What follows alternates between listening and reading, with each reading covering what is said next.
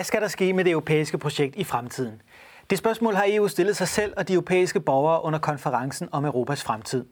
Og i den her serie stiller jeg samme spørgsmål til mine gæster. I dagens program ser vi nærmere på den regionale samhørighed i Europa. For spørgsmålet er, hvordan de europæiske lande sikrer bedre sammenhæng mellem land og by, og hvilken rolle EU kan og bør spille i den sammenhæng. Det spørger mine to gæster om. Mit navn er Christian Folager. Velkommen til.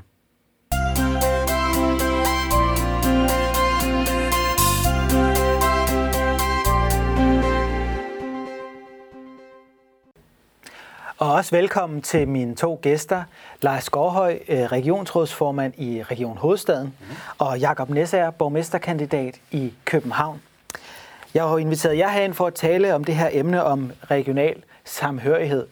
I repræsenterer begge hovedstaden, og på den måde kunne det selvfølgelig godt blive lidt ensidigt. Men jeg vil alligevel gerne høre jeres perspektiv på det her spørgsmål om splittelsen mellem land og by. Oplever I den splittelse i jeres dagligdag her i øh, hovedstaden?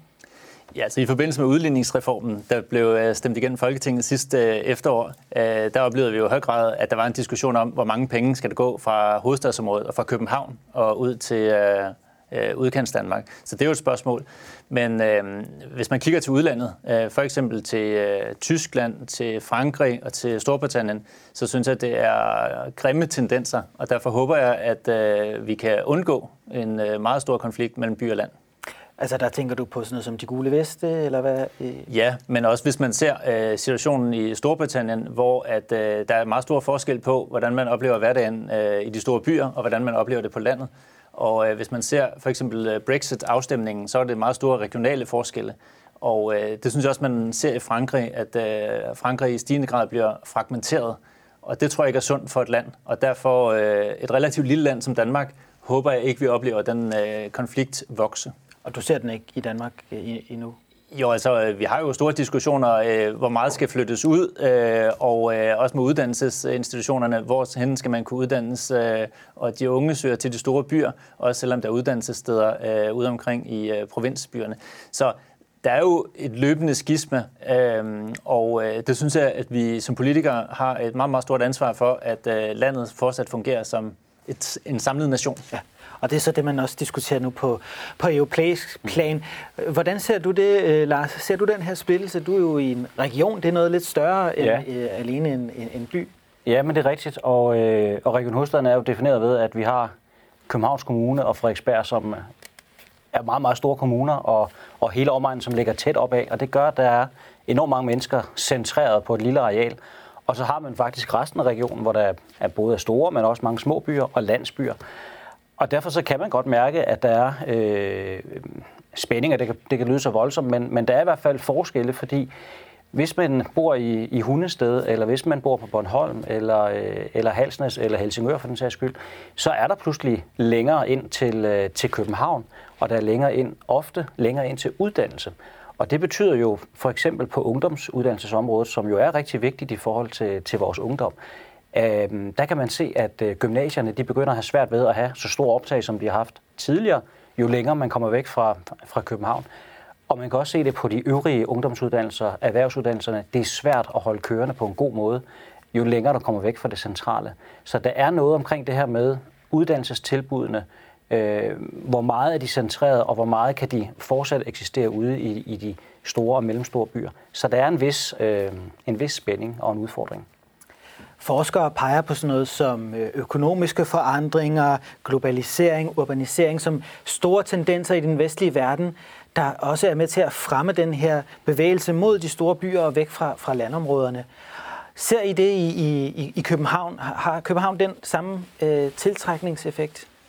Ja, altså øh, København øh, tiltrænger rigtig mange øh, øh, folk, øh, både danskere, men også folk fra udlandet. Vi har jo ekstremt mange udlandske studerende, som synes, at øh, København er attraktivt, og det er jo øh, kun dejligt.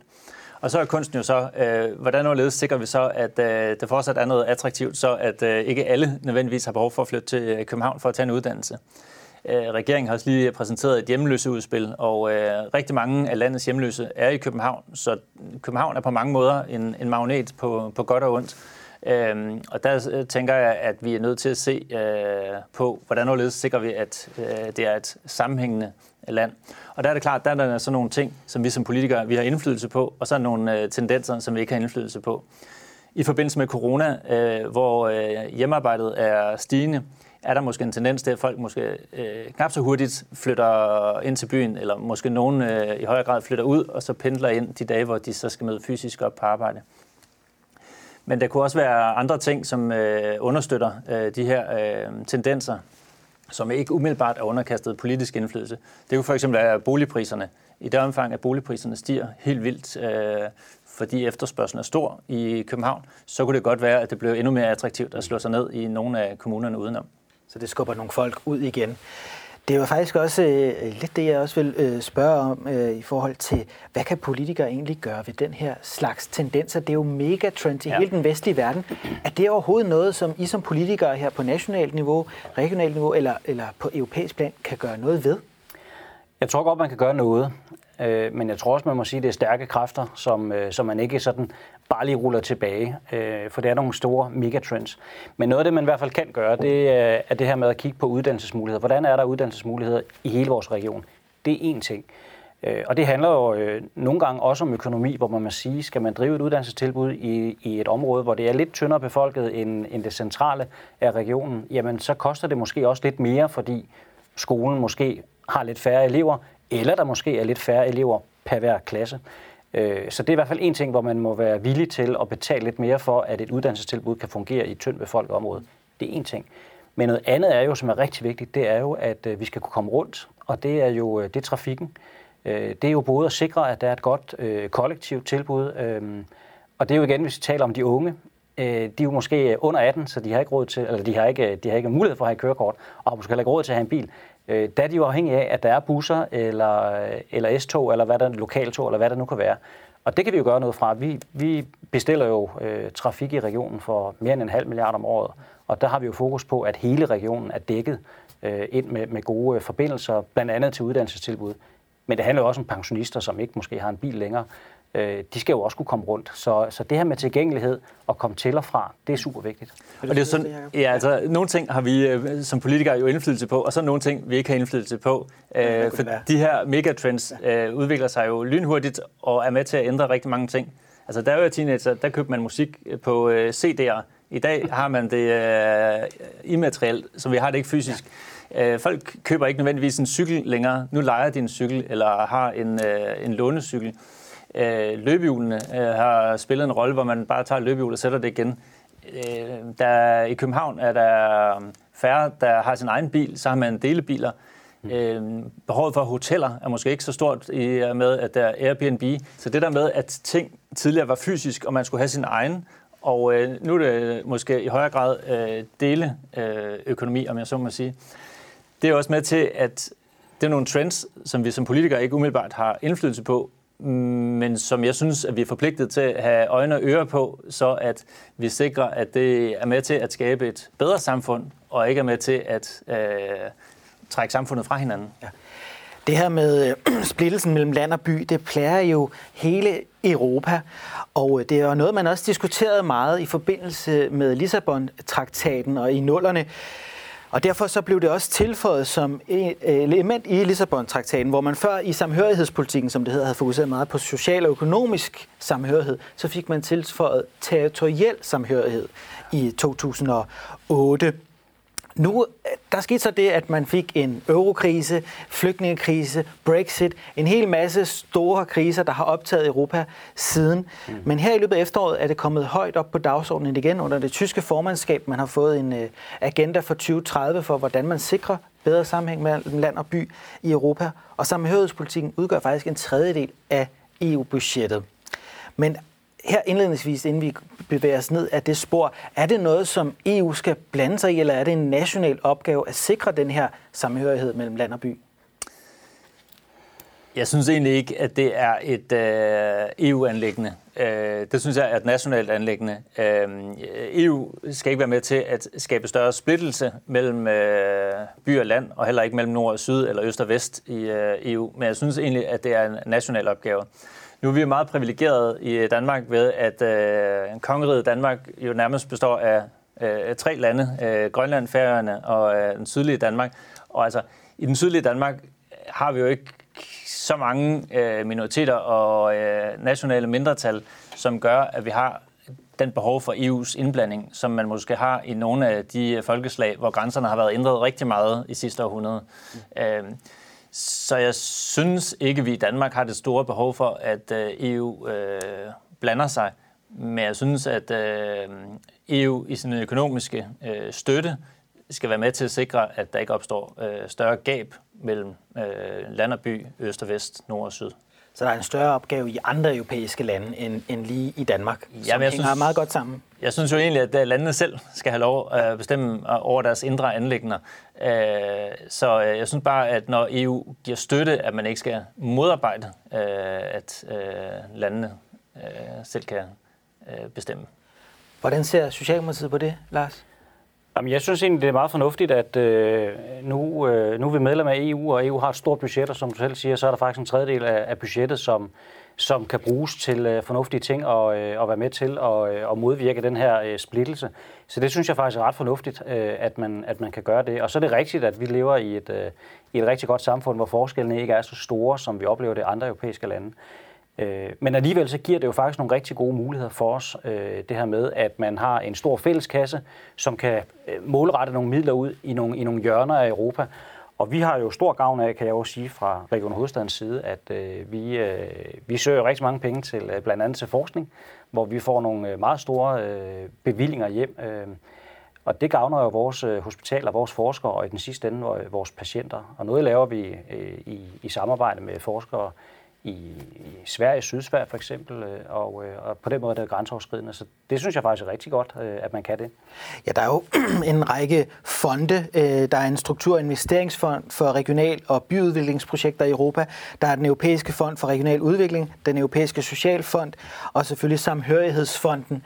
Det er jo nogle store pengetanke, hvor man så, som du siger, Lars, kan søge penge. Er det noget, som København og Danmark udnytter godt nok? Øh, altså det, man, det er jo altid interessant at få medfinansiering udefra, ja. øh, uanset om man er øh, øh, privatperson, eller man er øh, kommune, eller region, eller øh, nation. Men altså, vi skal bare tænke på, at de penge kunne også have været brugt til andre ting. Så når, når de nu engang bliver opkrævet, hvad er det så, man giver afkald på, når de bliver opkrævet? Så altså, når de nu eksisterer, så tænker jeg, at det er fint, at øh, Danmark og hovedstadsområdet øh, gør, hvad vi kan for at fordele de penge. Øh, men egentlig synes jeg, at øh, det er et af de steder, hvor EU er vokset sig for stort. Det skulle spares væk. Øh, jeg synes ikke, man behøver at opkræve de penge. Nej det. Så, så går vi så, til det borgernes lommer. I det er, eller i nationerne, så at vi ja. selv kan bestemme, ja. hvordan noget ledes. Ja. Øh, så er der nogle uh, internationale forhold, som kunne være fine at understøtte. Det kunne for eksempel uh, være medicinalforskning, uh, som kunne komme hele Europa til gode. Men ellers uh, synes jeg, at uh, de der støttemuligheder, uh, som EU har lavet, uh, de har taget overhånd. Når man sidder og gennemgår listerne over, hvad man kan søge støtte til, Lars, så spænder det meget bredt. Mangler der noget fokus i samhørighedspolitikken, især også i forhold til det territoriale? Altså, man tænker, øh, for eksempel de her forskningsprojekter, hvordan skaber det territoriel øh, sammenhæng og mindsker splittelsen mellem land og by? Øh, det virker måske lidt langt fra formålet. Mm. Det kan man selvfølgelig godt sige, men omvendt, nu har vi kommet igennem en, eller vi er i hvert fald godt og vel kommet igennem en covid-pandemi, og der må man jo sige, at der var det jo øh, utrolig godt, at, at EU havde nogle muskler at spille med og noget økonomi i forhold til at sætte ind over for nogle af de lande, som faktisk er rigtig svært ved at, at få at få oparbejdet en kapacitet, både først til test, men jo i særdeleshed omkring vaccinerne, hvor, hvor ja, vi lever i et meget rigt land, så det, vi har styr på det, men, men det er jo ikke alle europæiske lande, og der må man sige, der kommer det jo virkelig borgerne til gode, at, at EU kan gå ind og hjælpe, for eksempel i Portugal med, få købt en masse vacciner. Øh, man har også hjulpet mange andre steder med at, at genopbygge efter covid. Det synes jeg egentlig giver ret god mening, og, og burde jo også være med til at, at mindske de her spændinger, som vi startede om at, at, at tale om, som samhørighedspolitikken jo egentlig skal uh, adressere. Så det er også på den måde at adressere en europæisk samhørighed. Alle europæere skal have nogenlunde ens levevilkår, for eksempel have adgang til vacciner? Ja, og man må også sige, at vi er meget tæt forbundet. Nu ved jeg godt, at grænserne i, i høj grad har været lukket ned, og, og flyene har stået stille på, på landingsbanen. Men, men det ændrer ikke på, at vi bor rigtig mange mennesker i Europa, og vi har rigtig tætte forbindelser. Og øh, når der er noget, der er så smitsomt, som øh, covid har været det, jamen så kan man ikke løse det ved bare at vaccinere os ud af det i Danmark, hvis, øh, hvis tyskerne ikke vaccinerer. Så, så der har vi en interesse i, at alle europæer, og faktisk også vores naboland og resten af verden, jo bliver øh, vaccineret. Og det er EU jo faktisk også ude og støtte, og det synes jeg er rigtig godt, at man kan hjælpe også øh, i tredje verden med at få vaccineret. Og jeg synes, det er væsentligt, at øh, de EU-midler netop bliver brugt på de store linjer. For øh, tidligere, historisk set, så har øh, nogle af EU's støtteprogrammer givet en skævvredet produktion i Europa.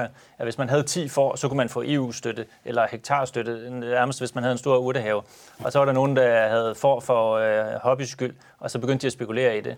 Og tilsvarende fik vi øh, op... Øh, bygget øh, kornlager og øh, øh, mælke... Øh, Smør. Ja. Og, ja.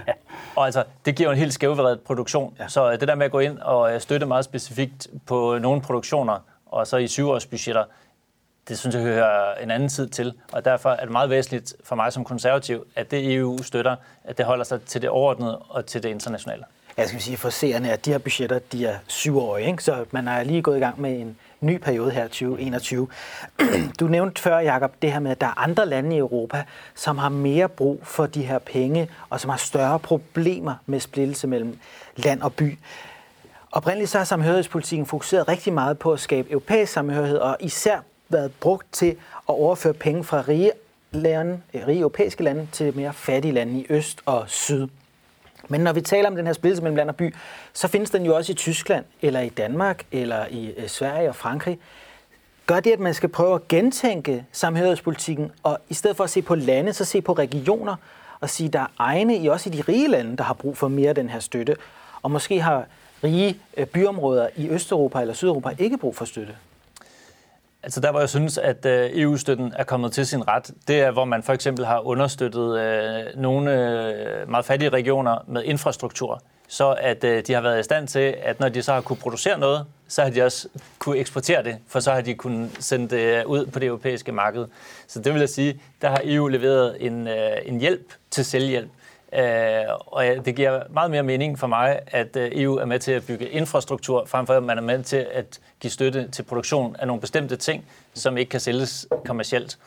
Øh, for når vi netop at lave infrastrukturen, så er det det kommercielle marked, der er med til at bestemme, hvad det så er, man producerer i den pågældende region. Men der synes jeg, at EU øh, kommer til sin ret. Så de her infrastrukturprojekter, synes jeg, er super fine. Ja, så det, det, det, er, en, det er en god ting. Yes. Øh, og det skaber vel også, det styrker det indre marked. Ja, altså, det skaber det samhørighed, både uh, internt i nationer, men også mellem nationer. Uh, nu taler vi jo om, om, i hvilket omfang vi skal have yderligere en uh, Øresundsforbindelse, og hvis EU kunne være med til at finansiere den.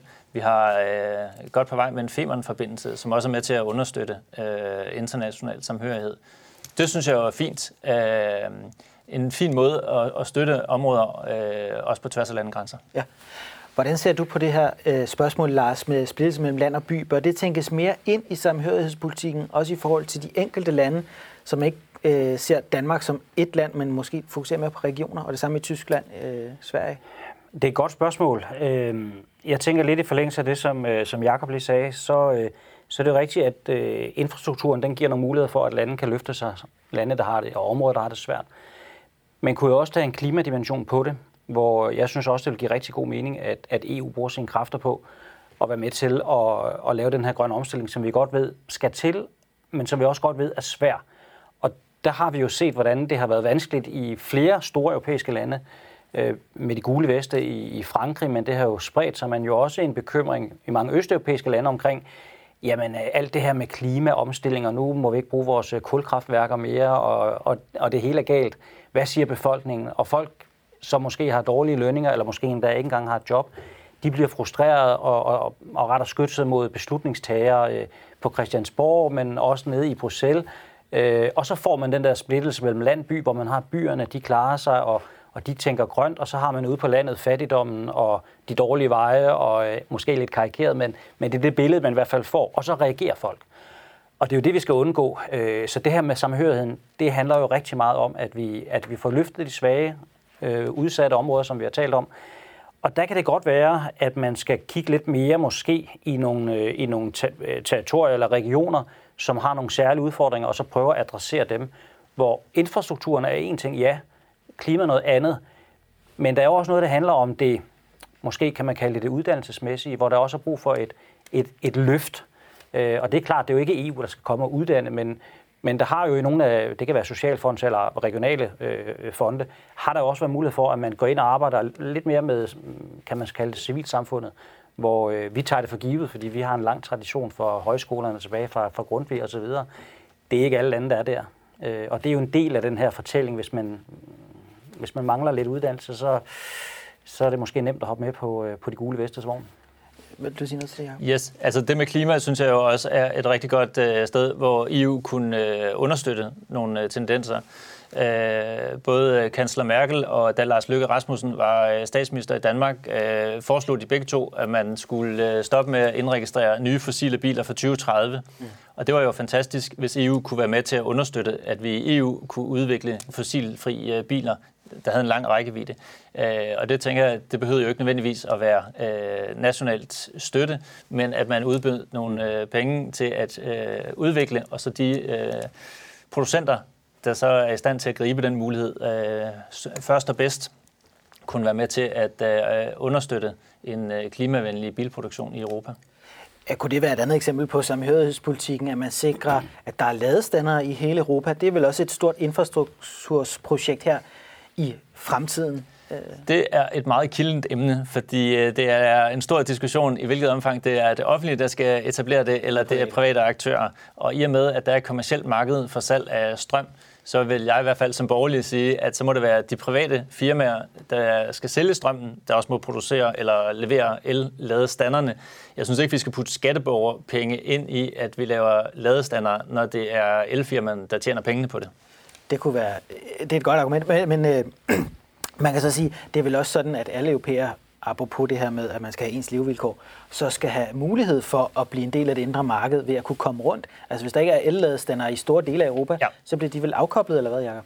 Jeg tror, at øh, det kommercielle marked rimelig hurtigt vil sørge for, at der er elladestandere over det meste af Europa. Ja. Og der, hvor EU så kunne spille en stor rolle, det var, at det var standardiseret stik i hele ja. Europa, så man ikke skal bruge et stik i Danmark, et andet Sverige og et tredje ja. Tyskland, og hvis man så skal ned gennem Frankrig og Spanien, at så skal man have to andre typer stik med.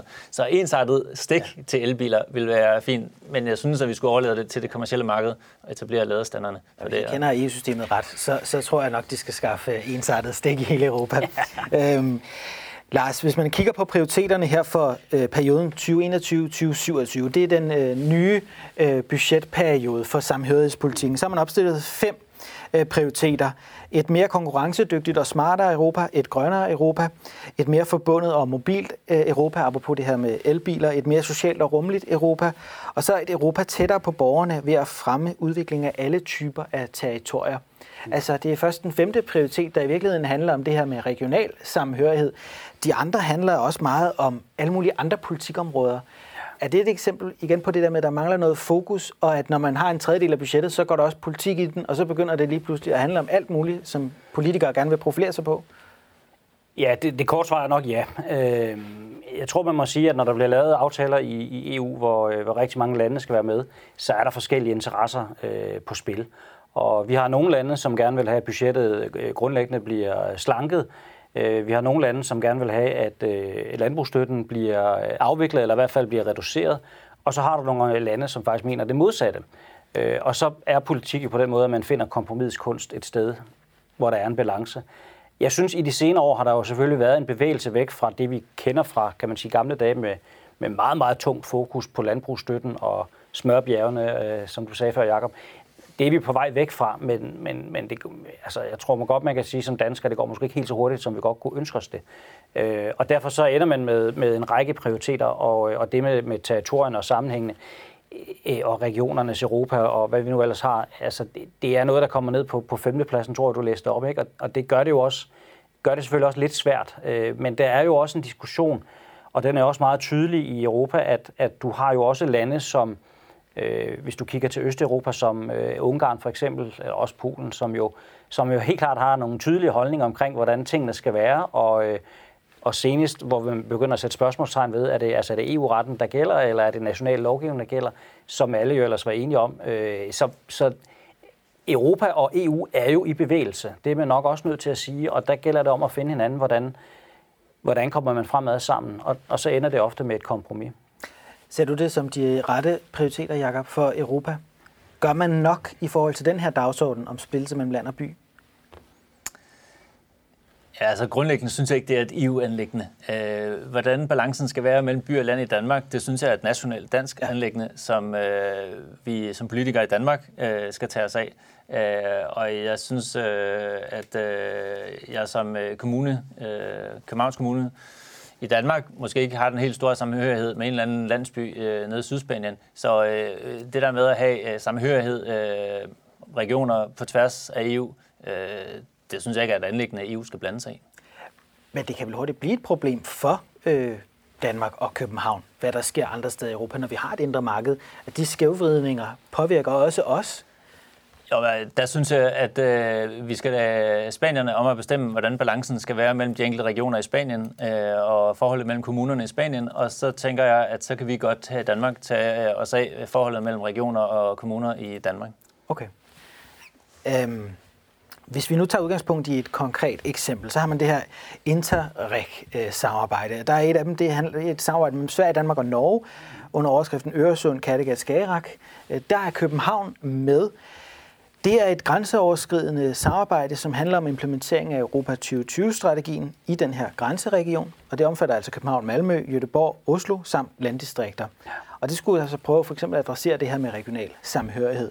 Øh, projektet går blandt andet på at styrke forskning og innovation, fremme produktion og distribution af vedvarende energi, fremme energieffektivitet og vedvarende energi i den offentlige sektor, støtte øh, TNT-netværket med bæredygtige løsninger, fremme beskæftigelse gennem selvstændig virksomhed i nye virksomheder og mikrovirksomheder, øge arbejdskraftsmobiliteten på tværs af grænserne og meget mere. Det er jo en, en lang øh, liste af prioriteter. Kunne I prøve at sige lidt mere konkret, hvordan hjælper sådan et projekt på regional samhørighed og i Europa? Altså det med arbejdsmarkedet, øh, der betyder det jo rigtig meget, at når vi mangler arbejdskraft i øh, hovedstadsområdet, øh, at vi så kan rekruttere øh, bredt, først og fremmest i Skåne, men øh, også i resten af EU. Øh, så der synes jeg, det betyder rigtig meget. Øh, Øh, I regionen har de langt mere forstand på det med sundhedsforskning, men hvis vi virkelig vil noget med sundhedsforskning, øh, så er vi også nødt til at være fremme i skolen øh, hele tiden, og vi kan ikke bare øh, lige tage en morfar og så tænke, at vi er stadigvæk i front. Øh, så når vi, at øh, de danske medicinalfirmaer er så dygtige, og vi har øh, international forskning på medicinalområdet, så er vi nødt til at være fremme i skoene. og der giver det jo et andet volumen at øh, have det sydlige Norge og Sverige med. Og så betyder det også noget med hensyn til infrastruktur, når vi samarbejder på tværs. Fordi øh, det her samarbejde gør jo også, at der er en øget efterspørgsel efter øh, forbindelser øh, mellem øh, Norge, Sverige og Danmark. Og øh, det er måske også noget af det, der har været med til at presse på, for at vi overhovedet har fået Femern-forbindelsen. For Men, det er ikke det danske behov alene, der har gjort, at vi har fået Femern-forbindelsen. Men øh, apropos din holdning til øh, samhørighedspolitikken, Jakob, er det her et eksempel på, at at, hvorfor skal EU blande sig i, ja, hvordan synes, de samarbejder? Ja. Altså, kunne vi ikke finde ud af at samarbejde jo. uden dem, og så beholde pengene selv, eller hvad? altså, hvis det var mig, der skulle bestemme, øh, så skulle EU ikke have blandet sig i det her. Så skulle øh, man jo så øh, på de enkelte sektorområder, for eksempel medicinalforskning, have sat sig ned og så set, hvordan kunne vi lave et samarbejde. Det synes jeg ikke, man behøver at blande EU ind i. Nej. Og det her med arbejdskraftens fri bevægelighed, det har vi jo haft siden Maastricht-traktaten i snart 30 år. Så det synes jeg måske heller det burde efterhånden have fundet øh, sit leje, og det går fint med at rekruttere øh, arbejdskraft på tværs af grænserne i EU. Så øh, jeg ser det egentlig lidt som, øh, nu er der givet rigtig mange penge til Sydeuropa, og så skulle der også gives lidt til Skandinavien, og så har vi fået nogle penge her. Og så har man så lavet et program, hvor at, øh, jeg synes, øh, noget af formålsbeskrivelsen er lidt søgt. Okay, ja. Det var ikke mig, der havde forfattet det på den måde i hvert fald. Nej, nej. Det, det må vi spørge Lars. Så, øh, fordi EU med til for eksempel at, at, at søge penge ned i EU-systemet, ja. det, er jo en, det er simpelthen en post på jeres budget at have et kontor nede i Bruxelles, ja. for at prøve at få nogle af de her samhørighedspenge øh, til København. Ja. Øhm, det her projekt, er det så et godt eksempel på, hvordan man kan få skabt bedre samhørighed i Europa? Ja, det er det faktisk. Ja. Øhm, Hvorfor? Hvis du ser på, øh, på sundhedsområdet, forskning og innovation, der har vi rigtig mange øh, gode bevillinger, vi har fået igennem, øh, blandt andet gennem Interreg, men også andre puljer. Ja. Øh, og det giver en mulighed for, at øh, for at gøre det konkret, så kan man sige, at vi har arbejdet rigtig meget med, med faciliteten. Den er ikke så god i, i Danmark og i de nordiske lande og mange andre steder. Men faktisk er nogle af de forskere, vi har, både i Danmark, men også på den svenske side, det er nogle af de bedste på verdensplan. Der er ikke mange af dem, men de er mega dygtige der har vi blandt andet med nogle af de her puljer øh, været inde og understøtte nogle forskellige, en tre-fire forskellige projekter, hvor vi også har firmaer med, som øh, er med til at udvikle nye behandlingsformer, øh, men også nye produkter. Og der kan man sige, der er det, der er det virkelig en god måde, hvor, hvor det offentlige med, med, med forskningsdelen, universiteterne også, og sådan der også den private sektor er med og kan trække på nogle af de her midler, der kommer fra, fra EU-systemet. Det er faktisk rigtig godt, fordi det fører til ny behandling og bedre behandling for borgerne. Så det er rigtig, rigtig godt, fordi det er et reelt og et konkret problem, der faktisk bliver øh, måske ikke løst, men afhjulpet. Ikke? Så det synes jeg er en rigtig fin idé. Og så har jeg lyst til også at sige, at man skal også huske, at øh, når man kigger på den helt store klinge med forskning og uddannelse, så noget af det, der er rigtig spændende, som sker i vores region, det er jo, at man i Lund har øh, snart øh, et meget, meget stort øh, europæisk forskningscenter, øh, nemlig det, der hedder ESS, og man har, der er faktisk to, der også det, der hedder Max 4, og det ene er sådan et forskningscenter, hvor, hvor det kører i ring, og det andet det er sådan en lang bane. Det er meget teknisk, men det er i hvert fald på et højt europæisk niveau, ligesom man kender det fra CERN, og man kender det fra Hamburg, Grenoble og mange andre steder, hvor man har de her milliarddyre faciliteter.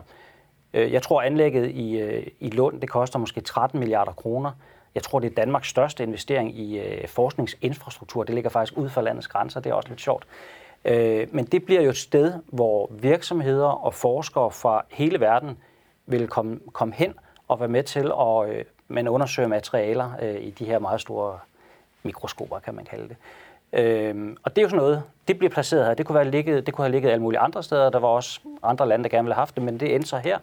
Øh, og de andre øh, europæiske lande er jo med til at medfinansiere det. Øh, så vi betaler, en, svenskerne betaler en stor del, vi betaler også en stor del, men Spanien er jo også med til at medfinansiere, og Tyskland osv. Og, det kommer til... Ja, og det er jo, ja, så det er jo meget stort EU-finansieret anlæg, som kommer til at give en masse muligheder i vores region. Øh, topforskning, øh, stor fordel for virksomheder, øh, universiteter, og i sidste ende jo også vil kaste nogle jobs af sig, helt sikkert. Hvordan forholder du dig til det, som Jakob siger med, at i virkeligheden så burde de europæiske lande beholde de her penge selv, og selv øh, organisere den type samarbejde? Leverer EU, så at sige, en mere værdi?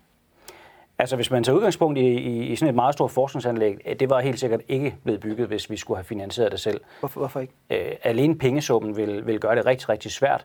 Øh, og det handler nok også om en, om en know-how, fordi det er jo et, det er jo også et, hvad kan man sige, det er jo et internationalt eller europæisk øh, forskningsmiljø, som har nogle idéer til, hvordan, hvordan kan man udvikle det næste skridt, som jo bygger på en 50-årig øh, forskningstradition, blandt andet i Tyskland. Øh, så, så det er jo sådan en, en, en følge af et tæt europæisk samarbejde. Øh, og så finder man så nogle midler fra EU-systemet, og det tror jeg ikke, at vi som lille land, øh, selvom vi havde teamet op med Sverige og havde sagt, at vi bygger noget her, og vi skal lige starte med at finde 13 eller 15 milliarder kroner, det tror jeg ikke var sket. Så det er også et mål i den her nye budgetperiode at få tiltrukket sådan typer af projekter til København? Ja, og jeg glemte at svare på de spørgsmål. Øh, det var lidt dårlig stil, men det er rigtigt. Vi har fra Region Hovedstadens side i mange år haft et, øh, ja, du kan kalde det et lobbykontor i, i Bruxelles, og vi driver det faktisk sammen med kommunerne, og, øh, og det var i første omgang et, et kontor, og, vi, og de samarbejder meget tæt med, med de store universiteter, København og DTU, som også har store interesser i, fordi når, når EU laver forskningsprogrammer, så er der først en lang periode, hvor man har mulighed for at påvirke, hvad er det, der skal forske på i, i de kommende år. Der kan man få lidt indflydelse der, og det kan, det kan man jo så præge lidt i en retning, som vi synes er fornuftig. Når man så har puljen øh, defineret og præmisserne defineret, så søger man selvfølgelig ind, og der er det klart, at hvis man har siddet med fra starten, så er det også nemmere at søge ind. Øh, og, og, og det, øh, jeg kan ikke huske det eksakte beløb, men jeg tror, at Københavns Universitet har trukket langt over en milliard kroner hjem til, øh, til forskning på Københavns Universitet, så det er, det er ikke småpenge. Nej. Til trods for din principielle modstand, Jacob, vil du så stadig støtte, at man øh, søger de her penge ja. og får de her projekter? Ja. Ja. Hvad Københavns, vil være? Københavns Kommune har også et lobbykontor i EU, ja. og øh, som danskere vil vi jo være både dogne og dumme, hvis der ligger euro øh, i Bruxelles, vi bare kan tage ned og, og, og så må sige, bare hente til ja. danske projekter. Så naturligvis skal vi da gøre, hvad vi kan for at få øh, del i, øh, i kagen. Men nogle af de ting, du læste op med for eksempel øh, at rekruttere arbejdskraft på tværs af EU-grænser, sådan har det været i 30 år. Øh, jeg synes, der må også være et tidspunkt, hvor man skal overveje, skal der overhovedet blive ved at være øh, skattekroner koblet i, at øh, folk kan rejse til andre lande og, og tage et arbejde. Så jeg synes, når der nu er puljer, så skal vi også forsøge at fordele i den, men vi har også en pligt til at reflektere over, at puljerne er blevet for store, og deles de ud til noget, som kunne klare sig lige så fint uden støtte. Ja, og hvad for nogle prioriteter skal København så have i den her nye øh, budgetperiode? Skal det stadig være meget med fokus på forskning, eller er der andre typer af projekter under samhørighedspolitikken, som I mener, man skal tiltrække til København? Jamen, jeg synes, at uh, sundhedsforskning uh, og understøtte den medicinalindustri, som vi, vi har her i, uh, i vores område, uh, det er jo med til at skabe rigtig mange arbejdspladser og rigtig meget indtjening til hovedstadsområdet. Så det skal vi understøtte. Og som jeg øh, nævnte før, så synes jeg jo, at klimasatsning, hvis man øh, fik øh, undersøgt, hvordan vi i højere grad kan overgå til vedvarende energi, og også at vores biler kan overgå fra benzin og diesel til vedvarende energi, så ville det jo være fantastisk, om det var fælles projekter, vi kunne drive, som vi ikke kan drive hver især, men som vi måske som et fælles Europa kunne være med til at øh, udvikle. Så klima og medicinalforskning. Ja, så for, for Danmark tænker jeg, at medicinalforskning, ja. det betyder noget, og så kan der være andre nationer, der har nogle andre ting end medicinalforskning. Ja. Men vi er bare stærke, og vi har et højt øh, øh, fagligt miljø på det område, og det skal vi naturligvis øh, udnytte. Hvilke prioriteter ser du for København her? Øh, Jamen, det er meget det samme. Altså, det er sundhedsforskning, som er rigtig vigtigt for Region Hovedstaden. Det, det, det lægger vi også ind der, hvor vi nu har mulighed for at præge det. Øh, så er det klart, at den grønne omstilling, det handler også rigtig meget om forskning. Meget af det, der kommer til at foregå på de store anlæg i, i Lund, det kommer også til at handle om, om, om vedvarende energi, fordi det er jo blandt andet materialerne, hvad kan de holde til? Og det, det kan være et materiale, som man bygger en, øh, en, en, en vindmølle vinge af, så hvornår brækker den? Det kan man finde ud af ved at kende materialerne frem for at prøve det af. Øhm, så, øh, så der ligger rigtig meget på, på den vedvarende energi, øh, og den udvikling, som vi, vi ved, vi skal understøtte, og hvor vi allerede er dygtige i, øh, i Danmark og i Norden. Så det ligger lige for, og, øh, og sundhedsinnovationen bestemt også. Jeg synes også, at transporten er vigtig, og den hænger selvfølgelig lidt sammen også, også med det grønne, fordi øh, vi taler meget om de her transportkorridorer, og vi taler meget om, hvordan kan vi få skabt nogle gode øh, togforbindelser i Europa, så man kan komme rundt. Og, og, øh, og det næste skridt bliver vel også, at vi må kigge noget mere på vores øh, lufttransport. Hvordan kan vi på en eller anden måde få den gjort mere bæredygtig? Øh, man gør et kæmpe arbejde allerede nu i, i, i Københavns Lufthavn, og er i gang med at se på, hvordan kan man lave nogle drivmidler, som, som er på en anden måde. Det bliver det næste store skridt. Øh, selvfølgelig bliver det det. Så de tre områder, synes jeg, er centrale.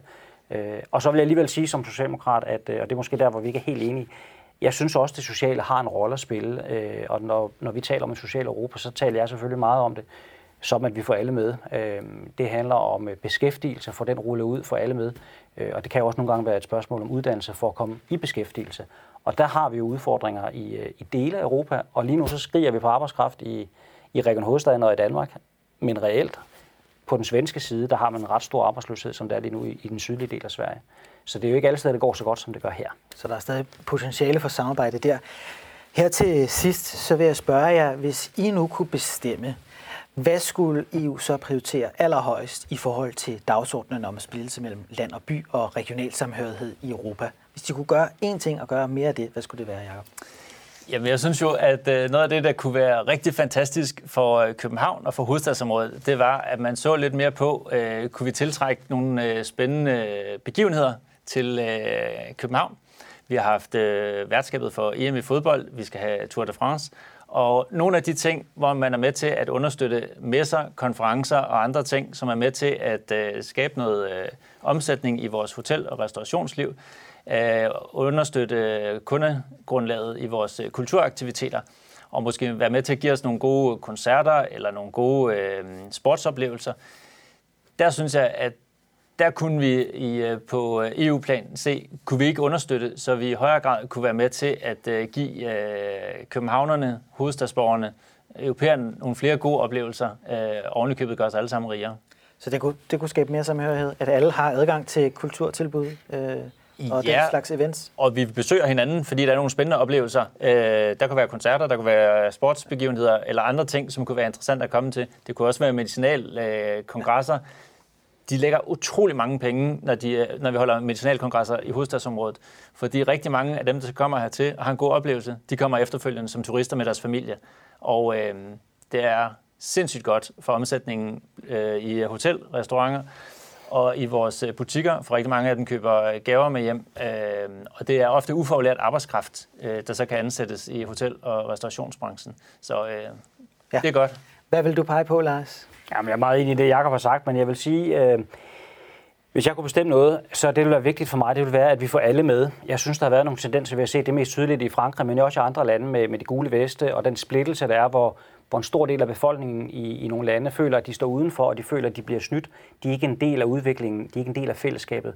Og jeg synes, vi har set nogle tendenser i Danmark på, øh, i forbindelse med, med, med hele covid-pandemien, hvor, hvor vi har haft øh, hvad hedder det, Men in Black og demonstrationer, hvor, hvor, hvor der har været en meget stor mistillid også til vores sundhedsmyndigheder og, og, og dygtige læger og forskere, at man tror ikke på, at en, en vaccine virker, eller og, og at der er kommet sådan nogle ting ind, som jeg synes er lidt, lidt, øh, lidt pusseløjelige, hvor, hvor, hvor, hvor, hvor splittelsen den vokser, og, og det synes jeg er en skidt vej at gå. Så jeg håber meget, at, at når jeg sagde det før også med det sociale Europa med, at vi har beskæftigelse ved uddannelse, og vi får alle med, det tror jeg er en vigtig nøgle til at undgå, at, at vi har splittelsen, som vi desværre har set.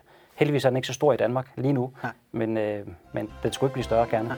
Så det skal I jo øh, satse på. Det synes jeg. Vi må se, hvordan øh, tingene udvikler sig her frem mod 2030, hvor at EU i hvert fald har sat et øh, fikspunkt for at prøve at løse spillet mellem land og by. Jeg vil sige tak, fordi I kom. Tak til dig, Jacob, og tak til dig, Lars. Og tak til jer derude, der fulgte med. Husk, at vi snart er tilbage med en ny serie om Europa her på kanalen.